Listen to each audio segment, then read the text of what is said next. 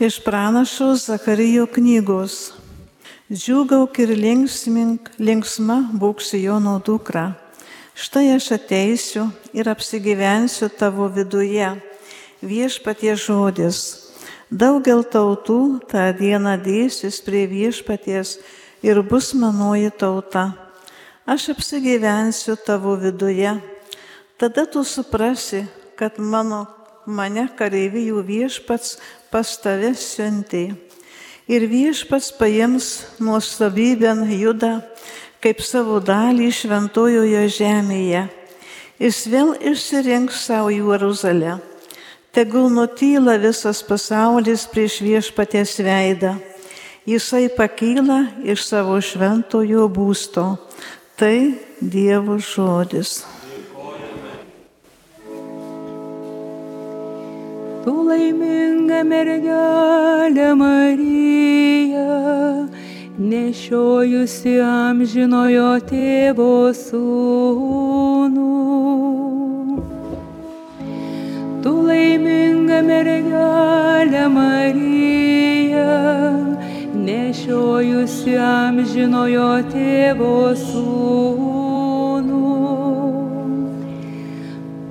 Mano siela šlovina viešpatį, mano dvasia džiaugiasi Dievu savo gelbėtoju. Tu laiminga mergelė Marija, nešiojusi amžinojo tėvo sūnų. Jis pažvelgia į savo nuolankę tarnaitę. Štai nuo dabar palaiminta mane vadins visos kartos. Nes didžių dalykų padarė man visagalis. Ir šventas yra jo vardas. Laiminga mergelė Marija, nešiojusi amžinojo tėvo sūnų. Jis maloningas iš kartos į kartą tiems, kurie jo klauso. Jis parodo savo rankos galybę ir išsklaido iš didžio širdies žmonės. Tu laiminga mergelė Marija, nešiojusi amžinojo tėvo sūnų. Jis numeta galiūnus nuo sostų ir išaukština mažuosius, alkstančius gerybėmis apdovanoja, turtuolius tuščiomis paleidžia. Tu laiminga mergelė Marija, nešiojusi amžinojo tėvo sūnų. Jis ištiesė pagalbos ranką savo tarnui Izraeliui, kad minėtų jo gailestingumą, kai buvo žadėjęs mūsų protėviams, Abromui ir jo palikuonims per amžius. Tu laiminga mergelė Marija, nešiojusi amžinojo tėvo sūnų.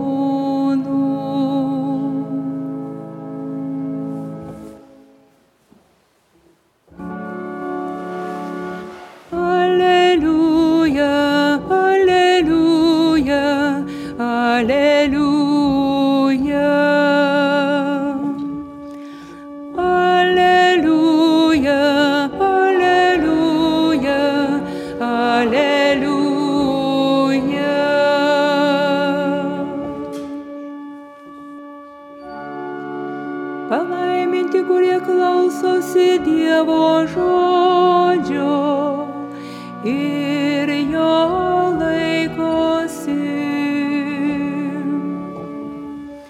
Aleliuja, aleliuja, aleliuja.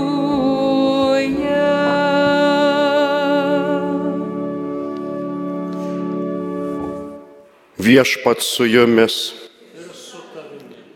Iš Ventosios Evangelijos pagal Matą. Jėzui dar tebe kalbant minioms, štai jo motina ir broliai stovėjo laukia ir norėjo su juo pasimatyti. Tuomet kažkas jam pranešė, štai tavo motina ir broliai stovi laukia, nori su tavimi pasikalbėti. Jis atsakė pranešusiam, kasgi mano motina ir kas mano broliai.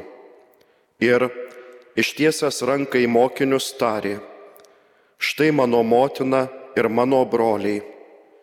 Kiekvienas, kas tik vykdo mano dangiškojo tėvo valią, yra man ir brolis, ir sesuo, ir motina. Tai viešpaties žodis.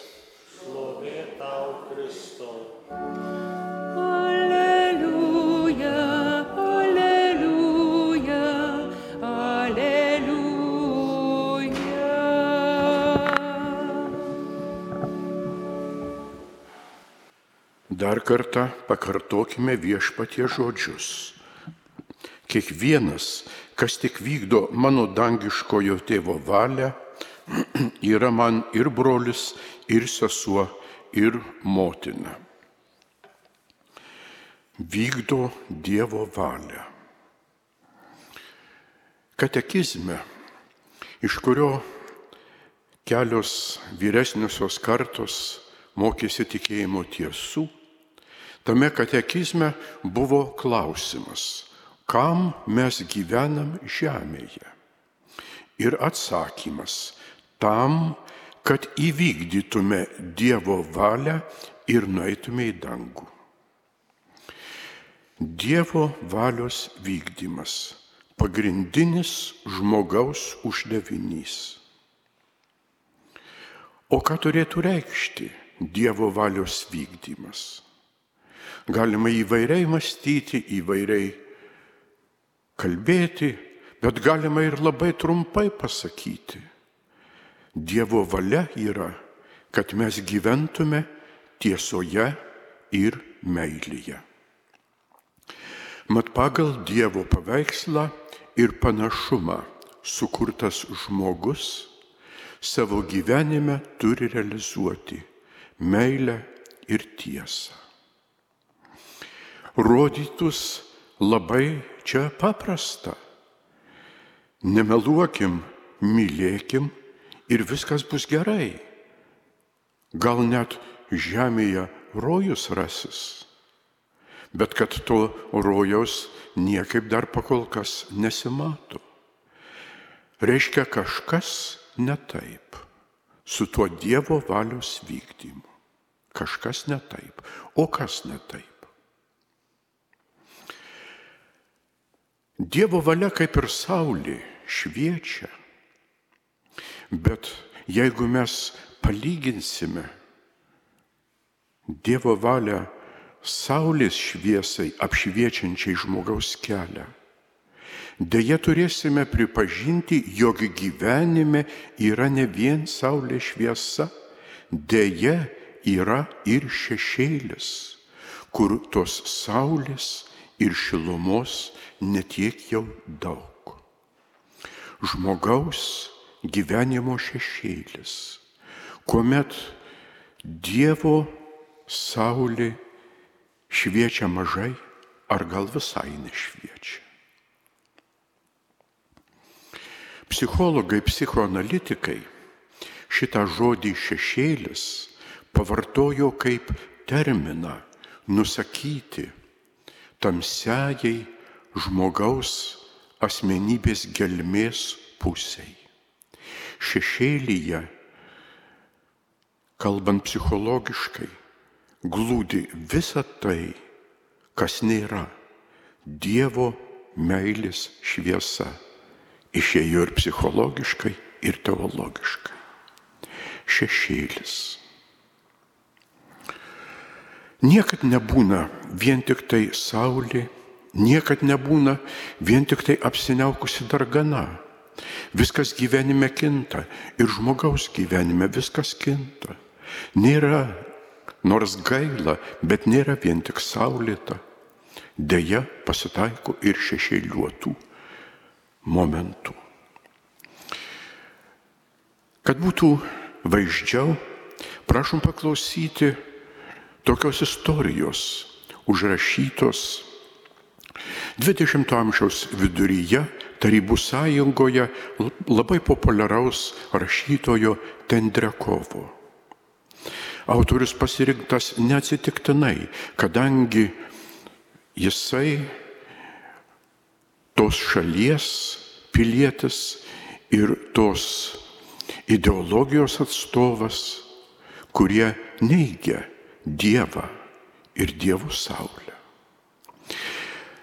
Štai Tendrekovas rašo apsakymą žmonės ar ne žmonės. Veiksmas vyksta antrojo pasaulinio karo metuose.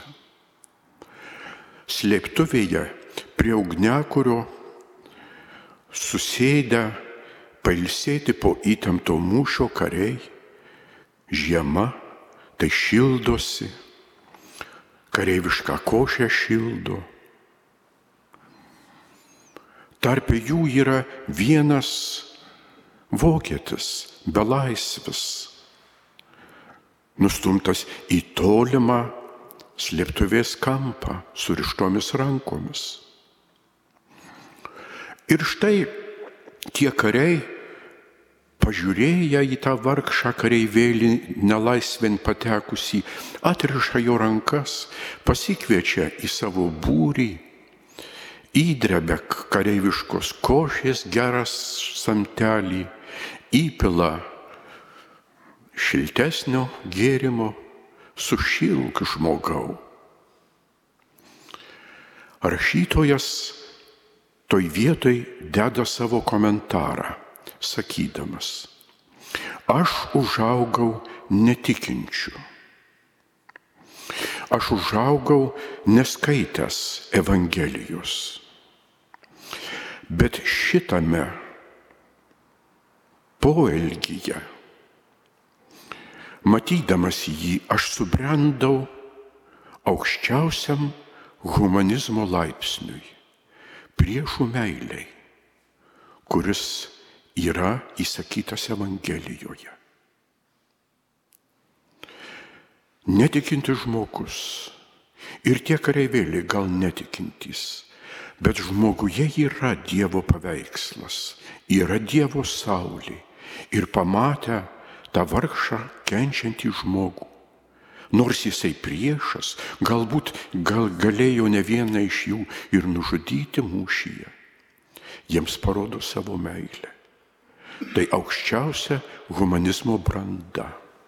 Tai Dievo paveikslo įsiskleidimas. O kaip su šešėliu?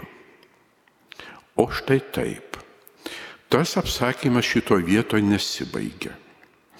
Išeina kareivėliai atsinešti vandens. Prie šulinio mato keistus ledo luitus. Arčiau prieina ir pamato, kad tai jų būrio draugai dingia mūšio sumaištyje.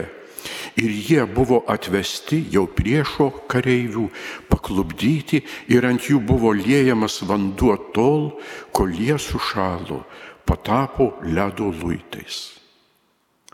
Tuomet pagauti neapykantos kareiviai griebė tą vargšą vokietuką, kuris ką tik buvo jų priimtas, sušildytas, atsivedė, paklubdė šalia to šulinio ir liejo vandenį tol, kol ir jis patapo ledo luitų. Rašytojas ir vėl komentuoja, kaip suprasti, ar jie žmonės, o gal jie jau ne žmonės. žiaurumas juos užvaldė, tarsi koks apsėdimas, tarsi šėtono apsėdimas. Tarp kitko, kai kurie mokyti žmonės apsėdimą taip ir vadina šešėlio involucija. Ir štai didis kontrastas, lyg tai dieviškos meilės spindulys.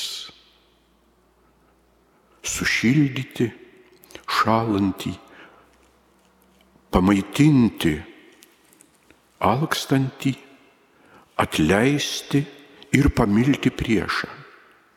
Ir po kelių akimirkų tą patį priešą su didžia neapykanta nukankinti. Ar žmonės, ar ne žmonės. Žmonės. Deja tokia realybė mumise ir Dievo paveikslas, mumise ir angelas, mumise ir demonas.